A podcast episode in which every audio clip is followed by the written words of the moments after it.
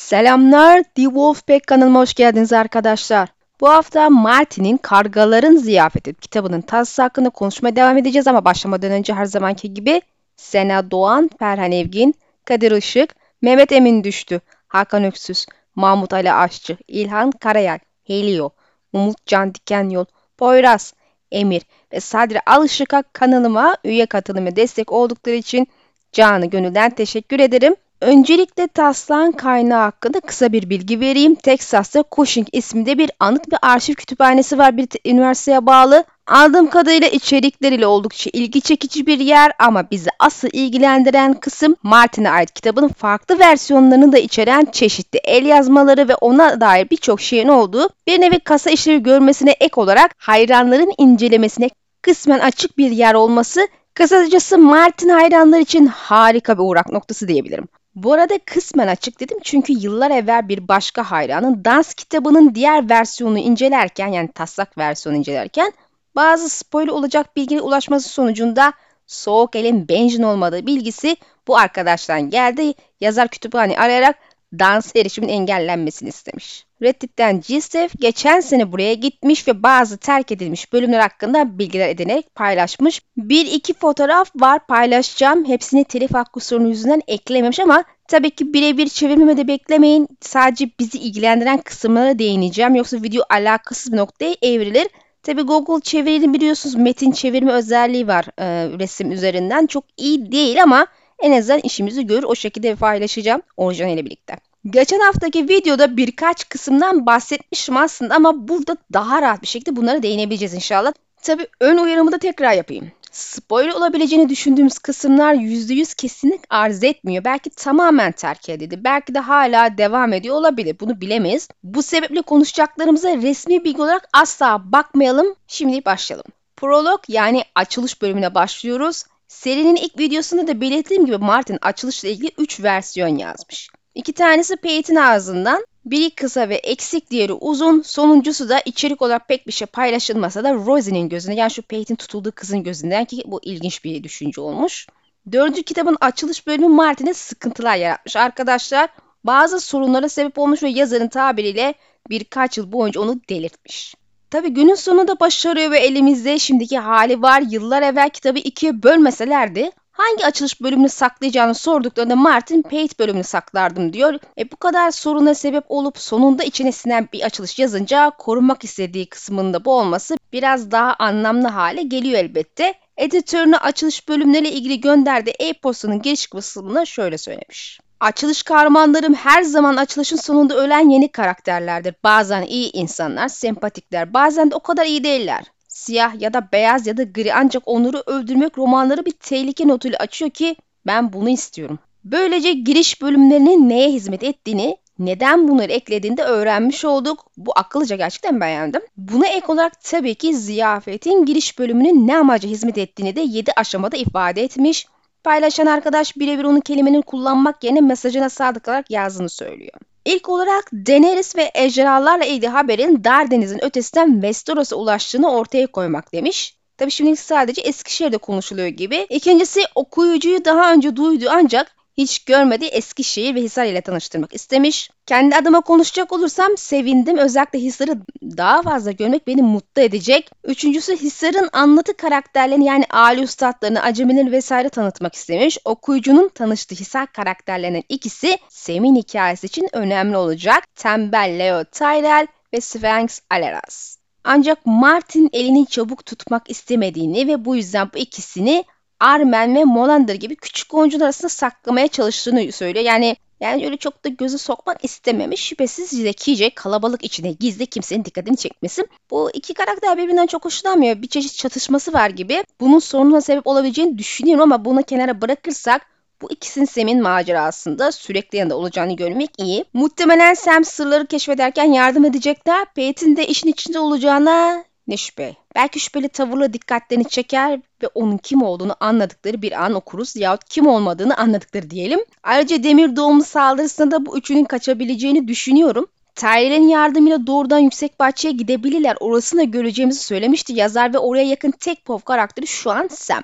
Eğer onu saymıyorum. Bir de bu bilgileri paylaşan arkadaşa göre aslında Han'daki hizmetçi Emma ve kızı Rosie'nin de önemli olmasını planlamış ama Martin fikrini değiştirmiş. Açılış bölümünün bir tanesini kızın gözüyle yazdığı için böyle düşünmüş. Açılıştaki üçüncü önemli oyuncu ise sihirbaz Marvin. Ancak Martin, Marvin'in ne girişteki rolünü ne de serinin gelindeki rolünü henüz çözemediğini de söylemiş ki bu çok ilginç işte. Yani biz okuyucular olarak üstada pek bir değer yükledik ve beklentimizi büyüktük. Lakin yazar onun serideki rolünü daha çözememiş bile. Biz kendi kendimize gelin güve olmuşuz. E tabi bu yıllar evvel olan bir şey. Yani 17-18 yıl önce olmuş. Şimdiye çözmüş olmasını umut ediyoruz. Belki de son kitapta ona sıkıntı veren şeylerden biri de budur. Aslında bu kadar karakter yazınca insanın yolda ayağının sürtünmesi ve bocalaması çok doğal. Dördüncüsü Hisar'ın da tat oyununda bir oyuncu olduğunu ve üstadların kendi gizli gündemleri olduğunu dolaylı olarak öne sürmek ki işte bu Güneyli ihtirası komplosunu destekleyen bir kanıt. Bir üstadın gizli gündemi ne olabilir ki? Özellikle de 17 sene önce isyan ile istedikleri gibi ejderhalardan kurtuldularsa.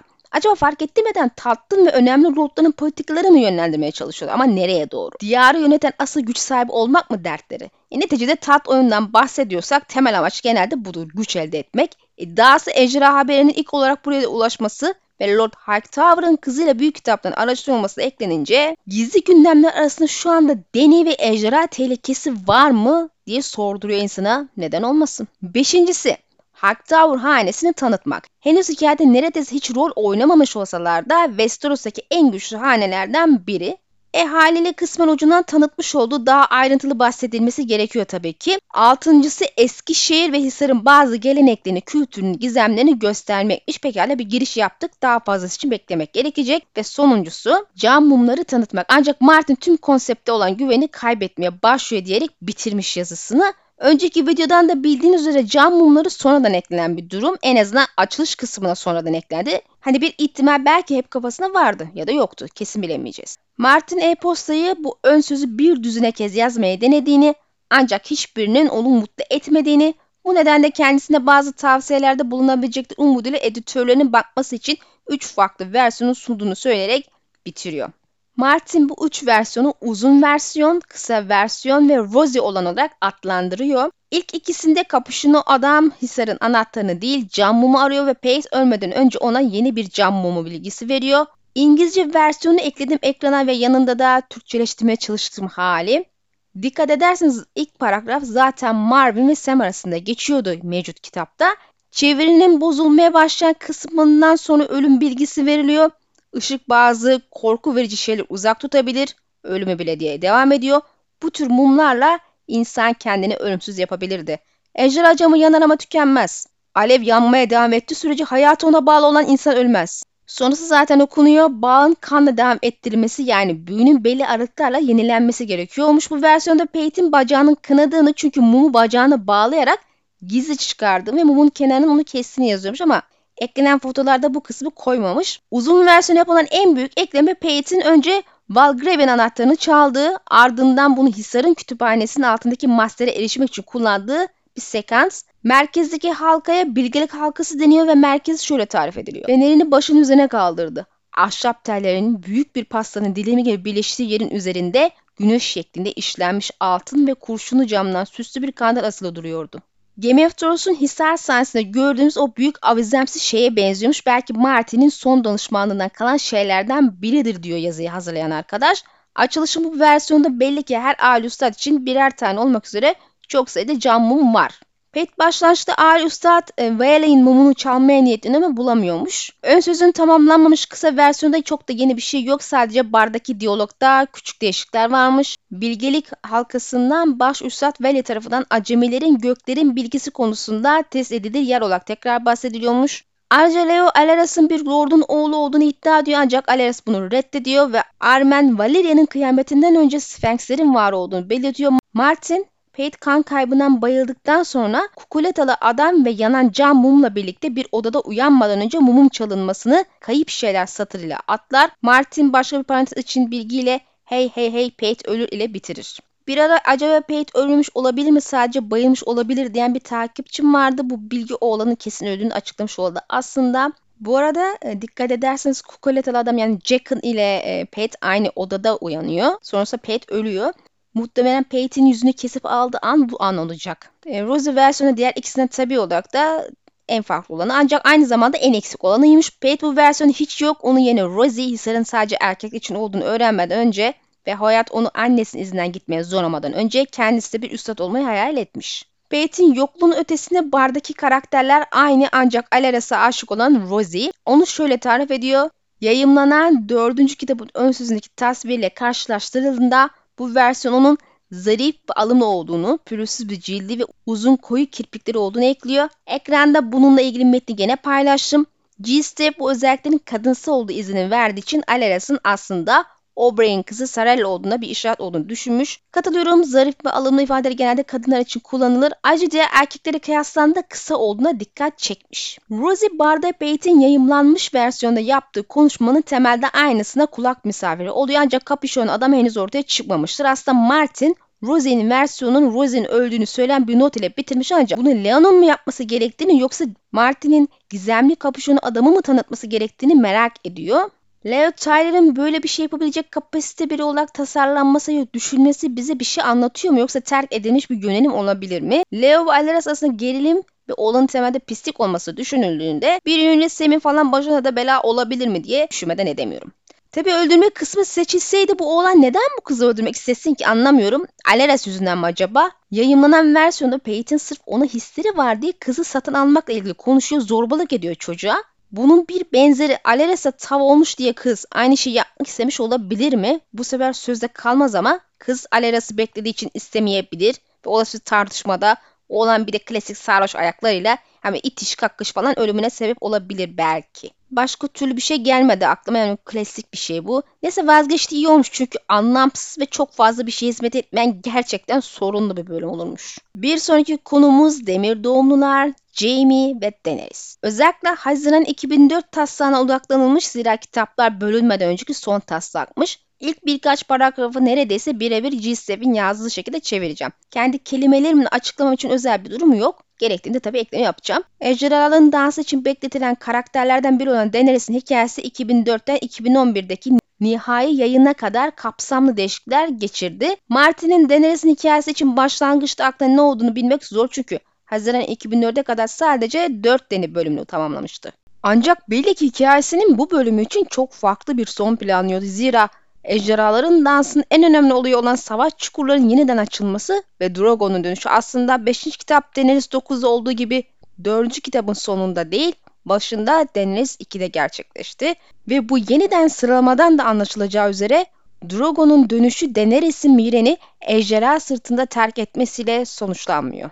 Bunun yerine Drogon'un pençesini alıyor ve bir sonraki bölümde öğreneceğimiz üzere Büyük Piramidin tepesine bırakıyor. Drogon'un Daznak çukurlarına varışı için 3 sayfa fotoğraf yayımlanmış. Google foto çevirisi tekrar bir Türkçeleştirmeye çalıştı. Mükemmellikten tabii ki her zamanki gibi uzak ama hiç yoktan iyi. Önemli kısımları zaten çevirdiği için genel farkları seçmeniz kolay. Kalanı temelde kitap ile aynı. Bir sonraki bölüm 5. kitabın 3. bölümünde olduğu gibi Zara Darksus'un geri dönüşünü içeriyor ve genel olarak bu bölümle yakından örtüşüyor. Deni'nin nasıl halen Miren'de ve hayatta olduğu, Zaro'nun ejderhaları gerçekten kontrol edip etmediğini sorduğu ve Drogo'nun Daenerys'e saldırmadan önce delirdiğini ve bir düzine adamı öldürdüğünü duyduğunu söylediği yarıya kadar açıklanmıyor. Deni bu iddiaya gülüp geçiyor ancak daha sonra bir iç konuşmada yaşananları açıklıyor. Ben ejderhanın kanındanım. Drogon'dan korkmuyorum. Ne Viserion'dan ne de Regal'dan ne de Hazeda'dan bahsetti. O benim Zara, o benim. Dazlak'ın çukurunda bir düzine adam öldürdü. Bu doğru. Ona zarar vermeye çalışan ve beni de katledecek olan Harpiyen oğullarından bir düzine adam. Reznak ve Sigahaza'nın anlattığı hikaye buydu. Ve Deni bu yalanı o kadar çok sık söylemişti ki neredeyse inanacak hale gelmişti. Diğerleri kaçmaya çalışırken ayaklar altında ezilerek öldü. Kalabalık korkudan çılgına dönmüştü. Hayatın büyük bir tehlike altındaydı ve Dragon bunu hissetmiş olmalı. Dragon ona doğru dönüp onu yakaladığı andaki kadar hiç korkmamıştı. Keskin siyah pençe onu öyle sıkı sarmıştı ki nefes alamamıştı ve bir an için onu lime lime edeceğini düşünmüştü. Sonra yer altından kayıp gitmiş ve kalbi yerinden fırlamıştı. Uçuyorlardı.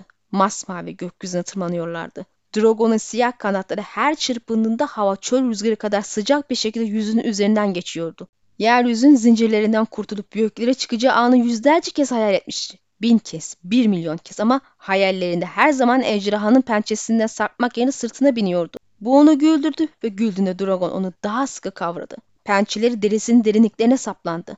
Dragon piramidinin tepesine inip onu hiç de nazik olmayan bir şekilde çimenlerin üzerine bıraktığında yara bel içinde ve kanlar içindeydi. Yırtılmış, parçalanmış ve onu kavradığı yerden yanmıştı ama aynı zamanda sersemlemişti. Tartışma daha sonra Zaro'nun 13 gemi hediyesine geçiyor ve Zaro ile bölümün geri kalanı yayımlanan Daenerys 3 ile büyük ölçüde aynı.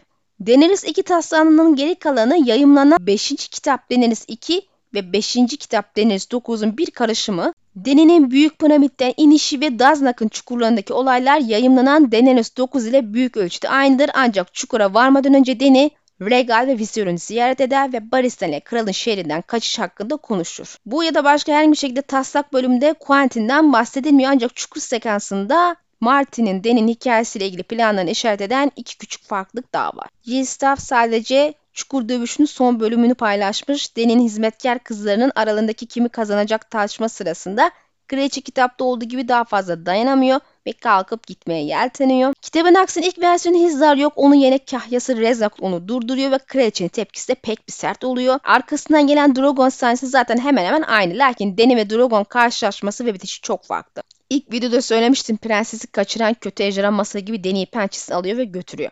İkinci fark ise ki fotoğraflarda bu bölüm verilmemiş. Kitapta çukura giderken Hizar'ın yemesi için ısrar ettiği çekirgeler zehirli değil. Yayımlanan Hayle Bervas bu tartışma sırasında zehirin etkisini hissediyordu ama dikkat ettiyseniz burada böyle bir ekleme olmamış demekti ki zehir yok. Bu kısım eski versiyonda şöyle anlatılmış. Hizar sandığını sürahilerle kaliteli şarap ve tatlı su, incir, hurma, kavun ve nar, ceviz, biber ve kaseler dolusu ballı çekirgeyle doldurmuştu. Güçlü Bervaz bir avuç dolusu alıp onları ezmeye başladığında çekirgeler Bervas sever diye bağırmasaydı sonuncuyu tanımayabilirdi. İlk ve son kez bu kısımdan bahsediliyor ve bir daha çekirgelerin bahsi geçmiyor. Bervas hastalanmıyor, kimse Deni onları yemesi için teşvik etmiyor. Çekirgelerin zehirli olmadığı taslakta yenmesi için teşvik eden olmayıp daha sonra zehirli olmasına karar kılınıp Hizdar'ın onları yemesi için teşvik edilecek şekilde değiştirilince Hizdar'ın bu çekirgelerin zehirli olduğunu bilip işin içinde olup Deni yesin diye teşvik ettiği kraliçeyi öldürmek istediği fikrini güçlendiren bir ayrıntı diye düşünüyorum. E tabi red edince daha fazla üstlenemedi zira fazla dikkat çekerdi. Böyle küçük ayrıntılar gizemleri açığa çıkarma özelliğine sahip diye inanıyorum ben. Tabi bu da bir fikirdir kesinlikle arz etmiyor. Taslakta Den'in hikayesindeki ikinci en büyük değişiklik Hizar ile evlenmek için öne sürdüğü şartlar Yayımlanan 5. kitapta Deni Hizar'ın kendisine Miren'de 90 gün 90 gece huzur barış ortamı sağlaması halinde onunla evleneceğini söz veriyor. Terk edilen ise onun için 3 zorluk planlamıştı. Şiirde sağlanması gereken huzur sadece ilkiydi. Bu kısmı Yeşil Fazilet ile konuşuyor. Bu konuşma Haziran 2004 Tahsan Deneriz 4. bölümüne ait demektir ki bu 1. ve 2. bölümlerde ortada daha nişan bile yokmuş. Sonradan peyda oldu. Ben belki çukurları bu nişanın şerefine açmayı kabul etmiş diye düşünmüştüm. Tabii ki öyle değilmiş. Deni Galaza Galeria kelimeler rüzgardır dedi. Sevgi ve barış gibi sözler bile. Westeros'a bakireler taliplerinin değerlerini kanıtlamak için vazifelere gönderir. Bunu ben de duydum dedi Yeşil Fazilet. Hizler tatlı konuşuyor ama bir adamın değeri en iyi yaptıklarıyla anlaşılır. Eğer bana sahip olmak istiyorsa bana üç düğün hediyesi vermeli. Toz evlerinde ölümsüzler ona üçün çocuğu demişti. Altın ya da mücevher istemiyorum. Onun yerine bana barış getirsin. Harpiya'nın oğullarının onun için bıçaklarını bırakacağını söyledin. Bırakın Hizar bunun doğruluğunu bana kanıtlasın. Eğer iki hafta başka bir cinayet olmadan geçerse asil Hizar'ı kral olarak mı alacaksın? Ona ikinci bir görev belirleyeceğim. Üç hediye dedim. Sonra evleneceğiz. Ona söyler misin? Memnuniyetle. Yeşil fazilet dudaklarındaki bal lekesini sildi ve ipek peçesini bir kez daha yüzüne kapattı. Işığınız bilgilik yolunu seçti. Birkaç sayfa sonra Missende ile baş başa yemek yerken Deni diğer görevlerden bahseder. Yemeklerini yerlerken Missende'yi erimiş altın gibi gözlerle ona baktı ve eğer Harpya'nın oğulları bıçaktan Asen Hiza için bırakırlarsa ikinci hediyeniz olarak ondan ne isteyeceksiniz? Sularda barış isteyeceğim dedi Deni bir zeytin kemirirken. Ona kart donanmasını batırmasını ya da yanaktan ışırıp onları evlerine uçurmasını söyleyeceğim. Peki bunu da yaparsa ondan karada barış isteyecek misiniz? Yunkay ve yeni Gis ile barış için. Olabilir. Güldü. Ya da değil. Belki ondan Westeros'a yelken açmasını ve bana demir tahtı geri getirmesini isteyeceğim. Ya da onu bir büyücünün kitaplarını ve sihirli kılıçını bulması için Vali'ye gönderebilirim. Yahut belki sadece bir ejderha bilmesini talep edebilirim. Misande'yi bu sizin evlenmeyi düşünmediğinizi düşünürüyor dedi. Düşünüyorum. Yapacağım. Bana üç hediye verdiği sürece. Ona üçün çocuğu demişlerdi. Deni kıkırdayarak ben sadece genç bir kızım dedi. Ve genç bir kızın hediyeleri olmalı. Bu kadar değişim neden gerçekleşmiş olabilir? İlk videoda bahsettiğim evlilik artı ejra ve Quentin'in geliş zamanlaması ek olarak Hizdar'ın tüm bunları hızlıca ve belki de şüphe çekmeden yapması mümkün görünmüyor. Daha önemlisi bu adamın kart donanmasını nasıl batırmasını bekleriz. Böyle bir gücü yok. Diğer yandan kart sırf o istedi diye gemini alıp döner mi? Hizdar Harpiye değilse bile onlarla beraber iş tutan biri. Öyle yahut böyle Deni'nin uzun süreli hükümdarlığını istemeyecekleri aşikar. Zehirlenme girişimi boşa değil, evlenir evlenmez ondan kurtulmak istediler. Yani Hizar'ın sunduğu barış sözü olmanın ötesinde değil bir çeşit oylama taktiği, tuzak bence. Kart ve müttefikler için hedef her daim Deni'nin iktidardan indirilmesi. Bunun için de entrika ve suikast planlıyorlar. Hala kart donanması veya ordusu hadi barış yaptık gidelim diyecek değil çünkü amaçlarına uymuyor. E dikkat ederseniz zaten kitapta da evliliğe ve yapılan anlaşmaya rağmen çekip gitmemekte direttiler ve ilk fırsatta savaş ilanı yaptılar. E, hala Hizar bunu ya başaramazdı. Mış gibi yapmanın da yolu var görünmüyor. E böylece Martin bundan vazgeçti ama neden 3 tane vazife vermek istedi? Aslında Deni cevabını vermiş. Üçün çocuğu olduğu için.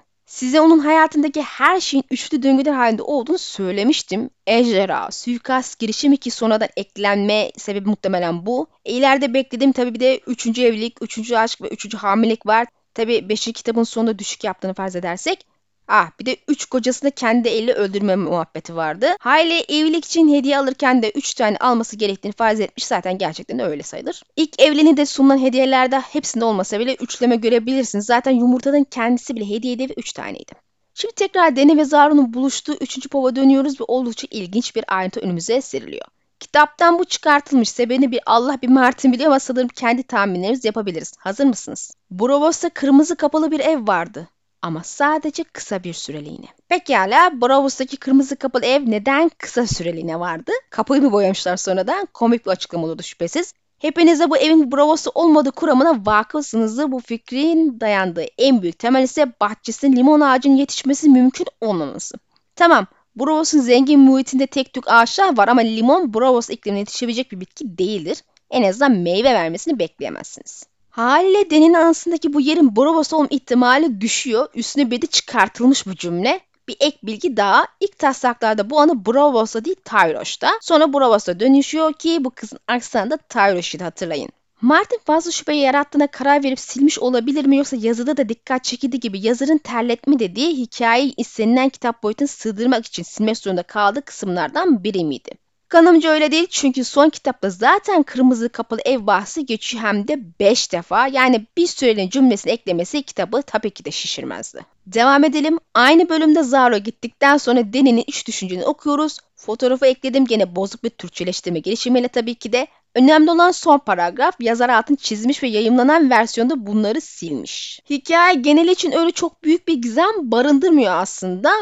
Muhtemelen terletme işi için silmiş olabilir ama burada bir altyapı kurma çabası var gibi görünüyor. En sonunda söylenen beni görünce sevinecekler, tezahürat yapacaklar. Orada yabancı olmayacağım, uzun süredir kaybolmuş, babasını gururlandığın sevilen kız evlat olacağım falan filan minvalindeki sözleri oldukça safça ama daha önemlisi oldukça tanıdık geliyor kulağa.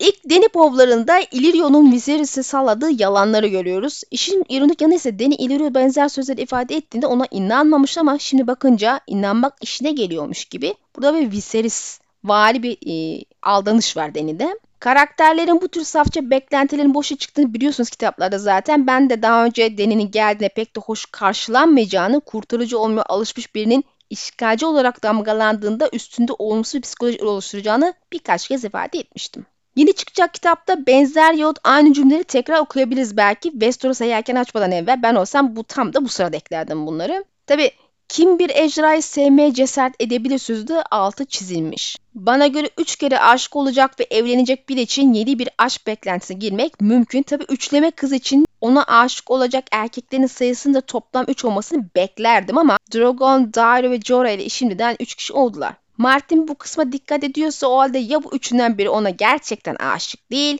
ya da bir daha hiçbir erkek ona aşık olmayacak. Bir diğer farklılıklardan biri de son kitabın 7. bölümünde gördüğü mavi dudaklı aşık rüyası bunu 4. bölümde görüyor.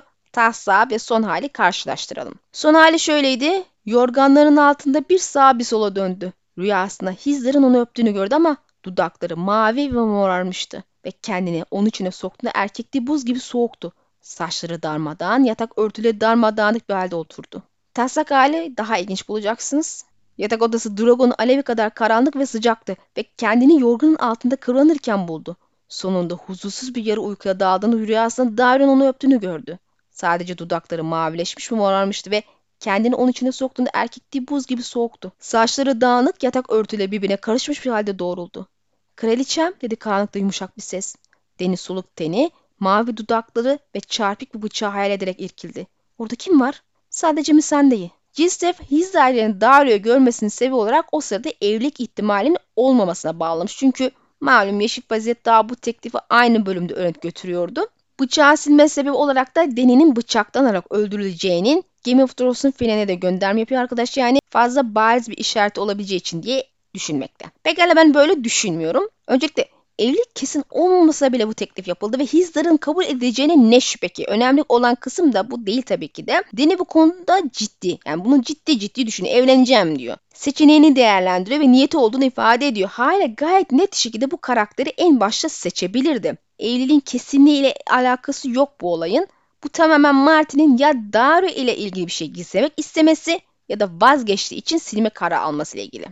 Diğer yandan Hizdar yahut Dario bu ikisinin John ile bir bağlantısı yok. Hala John tarafından bıçağı yemesine diye gönderme göremeyiz bunu. Tabi e, Game of Thrones'un sonu resmi bilgi kabul ediyorsunuz o başka ama Martin açıkça sadece kitapların resmi bilgi olduğunu söylemiş ama öyle olsa bile gene onunla bağlantısı yok. Hale bıçağın gördüğü kişiyle alakası oldu bariz ve bu barizlik ortada var olan ihaneti simgeliyor olabilir. Yahut gelecek olan ihaneti.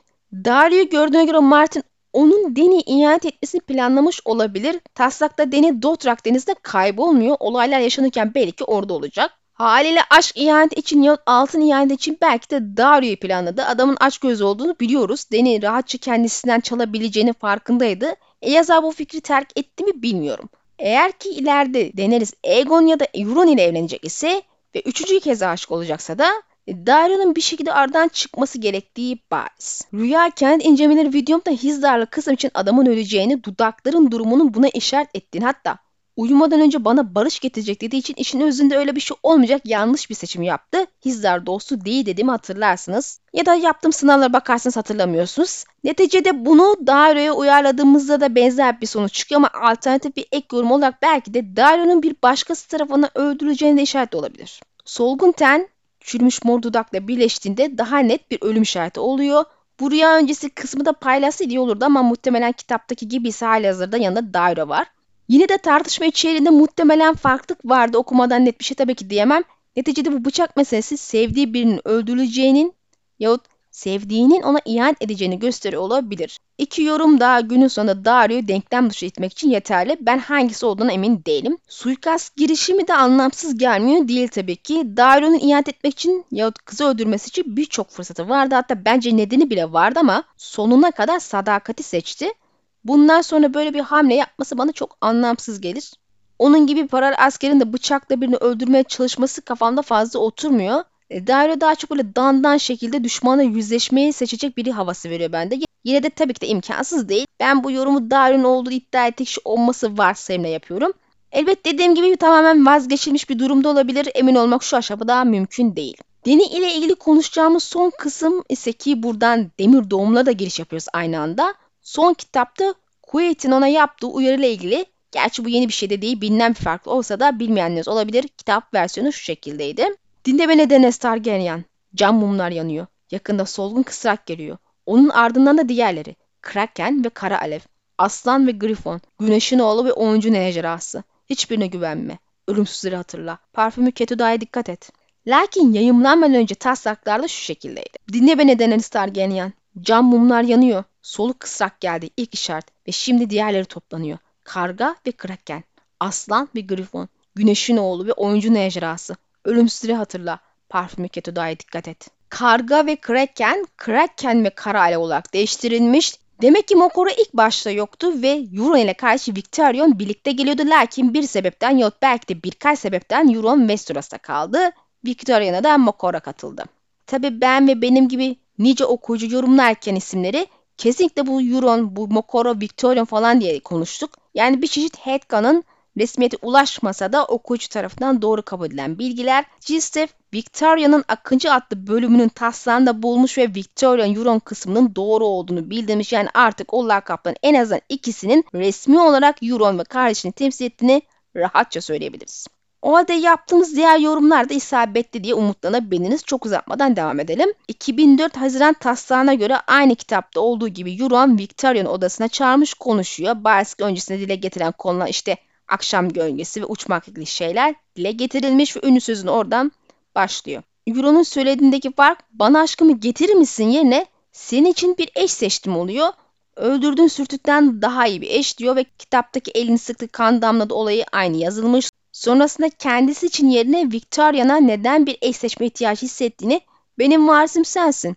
Benim Baron'un varisi olduğum gibi. Sen beni demir tahtta takip edeceksin. Senin oğlan da seni. Bunun için varisime layık bir eş gerek diyerek anlatıp duruyor deneyi falan. Ardından da tabi bana inanmak zorunda değilsin. Benim de köle körfesine gel ve kendi gözlerine gör diyor. Ya bir köle olarak yaşa ya da bir kral olarak öl. Atlamadan uçup uçmayacağımızı asla bilemeyiz diyerek de bitiriyor. Vic'in deneyi neden kendisine eş olarak almaya çalıştığını şimdi anlamış olduk. Euron gerek adamın karısını çalmış arkadaşlar. Şaka bir yana G7 bu değişiklikle ilgili düşüncesi var ve bana gayet makul göründü. Ona göre Martin ilk aşama demir doğumların köle körfezindeki savaşta yenilmelerini Boruyu ve filolarını bir şekilde deneye geçirmek istiyordu. Yunan olan yatırımı da karaktere yazdıkça artı rolü daha önemli hale geldi. Bu sebeple onun burada yenilmesini ya da işte ölmesini falan istemediği için geride kaldı. Zaten devamlı söylediğimiz şeyi biliyorsunuz. Victoria'nın ana rolü burada gemi teslimatçısı olması. Mokoro ile ilgili yaptığım videodan da hatırlayacağız. Vic abimiz muhtemelen gidici ve adam bunu biliyor. Gemileri ve diğer şeyler için onu kullanıyor sadece. G7 bu düşüncesini destekleyen bir diğer şey ise yine Haziran 2004'e ait not. Sizi uyarıyorum Victorian kısmında bana kalırsa kabak gibi bir spoilerımız var vazgeçtin, değiştirdin falan hiç zannetmiyorum. Ekrana bakarsanız karakter listeleri ve yazım durumlarına dair notlar var. Kimisi yazılmamış, kimisini kısmen yazılmış, kimisi de değerlendi olarak not düşülmüş. Victorion kısmına geldiğimizde yazılmamış duruyor ve yanında Victorion ölüyor demiş. Geçmiş olsun Demir Kaptan eve geri dönemeyecek. Bu arada başka taslaklarda da Euron Dany'i kendi karısı olarak almak için Vic'i alıp gitmek istiyor. Neticede son kısımda ama Euronsuz bölümde karar kılınmış. Tabi Victorian Euron ile beraber gidip neden ölecekti sorusu da Gistef'in önerdiği olasılık yine bana makul göründü.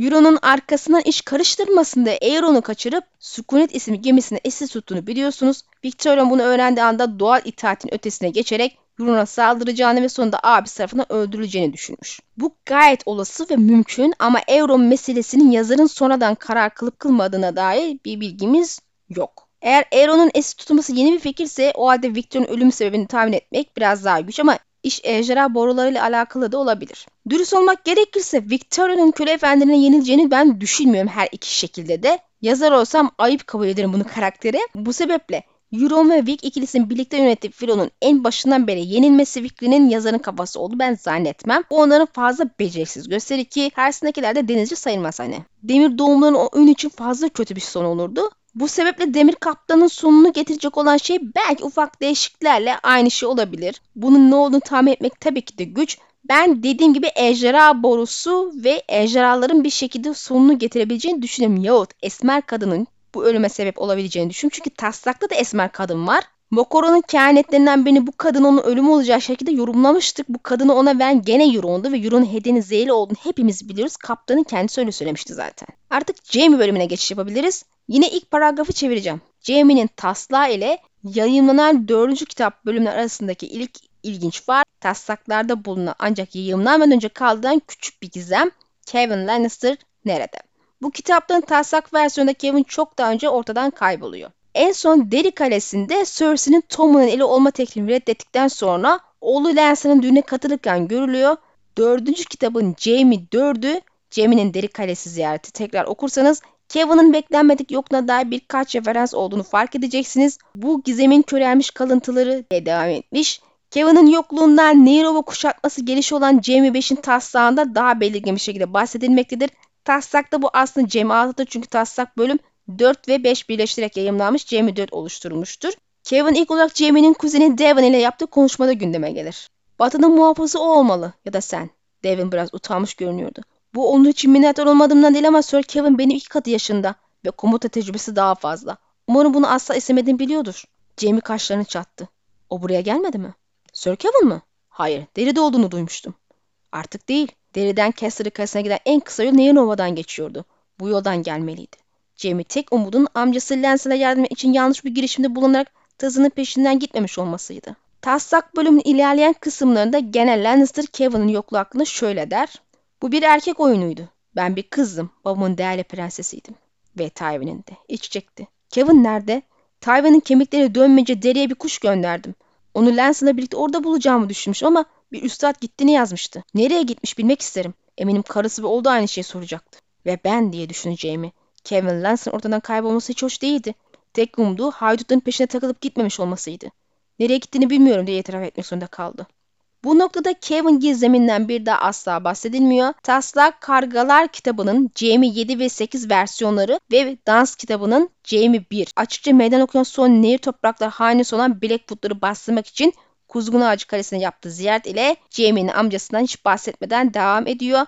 Ancak taslağın hala gelecek sayfasında yani az önce bahsettiğim karakter listesinin olduğu sayfadan da belirtildiği gibi Martin son bir Jamie bölümü daha düşünüyordu. Hatta bu bölüm kitabın son bölümü bile olabilirdi. Gisep bunu kanıtlayamayacağını söylüyor ama bu taslaktaki Kevin gizeminin kurgusu yeterince belirgin ve birkaç referans yapılmış. Yani bir altyapı hazırlanmış. Jamie'nin haydutların peşine gitmediği umarım korkusu içine işlenmiş bu sebeple Martin muhtemelen bu gizemi aynı kitapta son bölümde çözme planladı ve bu çözüm Jamie'nin taslak bölümleriyle yayınlanan bölümler arasında bulunan ikinci büyük farkla ilgili olabilir. Kuzgun Ağacı Kalesi bölümünün sonunda Penitiri'nin dışında muhafızları tarafından bulunan ve ona reddedemeyeceği kadar ilgi çekici bir teklif yapan kadın aslında Brienne değildi. Lord Blackwood'un emrindeki bir yemin şövalyenin metresi olan Hilda isimli kadın. Kendisini görmüşsünüz tabii ki de. Ekrana koyduğum taslak yazısına bakarsanız Jamie dönerken Hilda bir şekilde Jamie'yi takip eder ve gözcüleri onu yakalayarak yanına getirir. Kadının kur yapma çabasını bir kenara atarsak Jamie'ye kara balığın yerini bildiğini ifade ediyor. Tabi %99 bir tuzak bu. Brienne ile kurulan tuzağın aynısı. Brienne yerine Hildi tazı kızı esir tutuyor yerine de kara balık diye düşünülmüş. Cislev aslında kara balığın onlarla olmadığını ama Kevin'in onların elinde esir olduğunu bu gizemin son Jamie bölümünü ortaya çıkarılmaya niyetlendiğini düşünüyor. Açıkçası ben çok emin değilim. Karabalık kısmına görene kadar Kevin'in tuzak olarak kullanacağını düşünüyorum. Çünkü bariz şekilde kurulan altyapı Jamie'yi harekete geçirmeye ve bu tuzağın içine rahatlıkla düşmesi için yeterliydi. Bu sebeple Kevin ellerinde ise açıkça bunu söylemeleri yeterdi. Ama karabalık önerisi bu Kevin kısmını anlamını çözemedim. Bir anda gereksizleşti bu. Evet geçen haftaki videoya bakarsanız Kevin Kaya'ya gitmiş. Ya işte Martin bu mevcut taslağı hazırlarken aklında başka bir şey vardı. Kesin bilemiyoruz. Neticede Kevin hala gizem bu taslakta lakin tabi artık bir önemi yok. Son hükmü verildi. Beni asıl düşünen Brienne hikayesi. Tazı ile olan karşılaşma gerçek olan mıydı bu durumda? Öyle bile olsa ne önemi var ki? Aklıma gelen fikir şu. Hildy karabalık gemiyle Jamie'yi tuzağa çeker ve sancaksızın eline düşer ama evvelden Brienne onların eline geçmiştir. Bahsettiğim ikinci kızıl düğün için kaleye girme ve benzeri şeyleri sağlaması karşında Brienne'yi öldürmekle tehdit edebilirler kıza verdiği değeri görünce yani yazın aklına aşağı yukarı böyle bir şey olabilir. O sıralarda yani. Jamie'nin taslak bölümlerinde iki küçük farklılık daha var. Birincisi Nero bölümünün sonunda Cersei'den gelen bir mektup yok.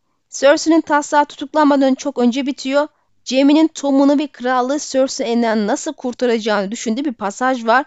Bu bölüm burada Kuzgun Ağacı Kalesi'nin bölümünde yer alıyor. Ancak son 4. kitap bölümünün yani Neir Owen'ın kontrolünü ele geçirdiği ve Sybil Spicer ile buluştuğu bölüm bir parçası olarak yayımlandı. Yani Martin Jaime'nin Cersei'den uzaklaşması çoktan kurgulamış görünüyor ama mektup bunu göstermek için bir işaret olarak kullanılmamış. Bence kullanıldığı iyi olmuş sonradan çünkü Jaime ne yaparsa yapsın koşu koşu Cersei'nin yardımı gidecek biriydi ama ilk defa tehlikede olduğunu bildiği halde umursamaması kopuşu en iyi gösteren şey oldu. İkinci farklılık Nehrova'dan Kuzgun Ağacı Kalesi'nin sırasında taslakta Jamie'nin Dondarrion ve kardeşliğe kendi tuzağını kurma planını anlatan kesilmiş bir pasaj olması. Lord Bellick'in grubuyla karşılaşmayı memnuniyetle karşılayacaktı. Onlar için kötü bir sürprizi vardı. Jamie'nin kendisi hariç eskortları kıpkırmızı pelerinler ve aslan armalı yarım miğferler giyerek gemlenmiş atlara binecekti. Uzaktan bakıldığında 40 muhafız gibi görüneceklerdi. Ancak Dondarrion saldıracak kadar aceleci davranırsa kendine her biri 10 haydut ve 100 kırık adama bedel 40 şövalye karşı karşıya bulacaktı. Peki ya Yıldırım Lord'un daha fazlası varsa diye sordu içinden bir ses ama daha sert bir ses o zaman Cersei'nin benim için gözyaşı döküp dökmeyeceğini görün diye cevap verdi. Tabi böyle bir olay gerçekleşmiş hale tuzağa düşmediler. Bu da sancaksızın her yerde gözleri olduğuna güzel bir işaret sanırım. Burası ara vermek için güzel bir yer. Bir sonrakinde John, Tyrion ve Cersei taslaklarını inceleyeceğiz. İnşallah genel olarak memnun kalmışsınızdır. Videomuzu paylaşmayı, beğendiye basmayı ve yorum yapmayı lütfen ihmal etmeyin. Kanalımızın büyümesi ve devamı için her türlü desteğiniz önemli olduğunu unutmayın. Ayrıca yeni videolar geldiğinde kaçırmak istemiyorsanız lütfen bildiriminizi açın. Yeni videoda görüşmek dileğiyle. Allah'a emanet olun.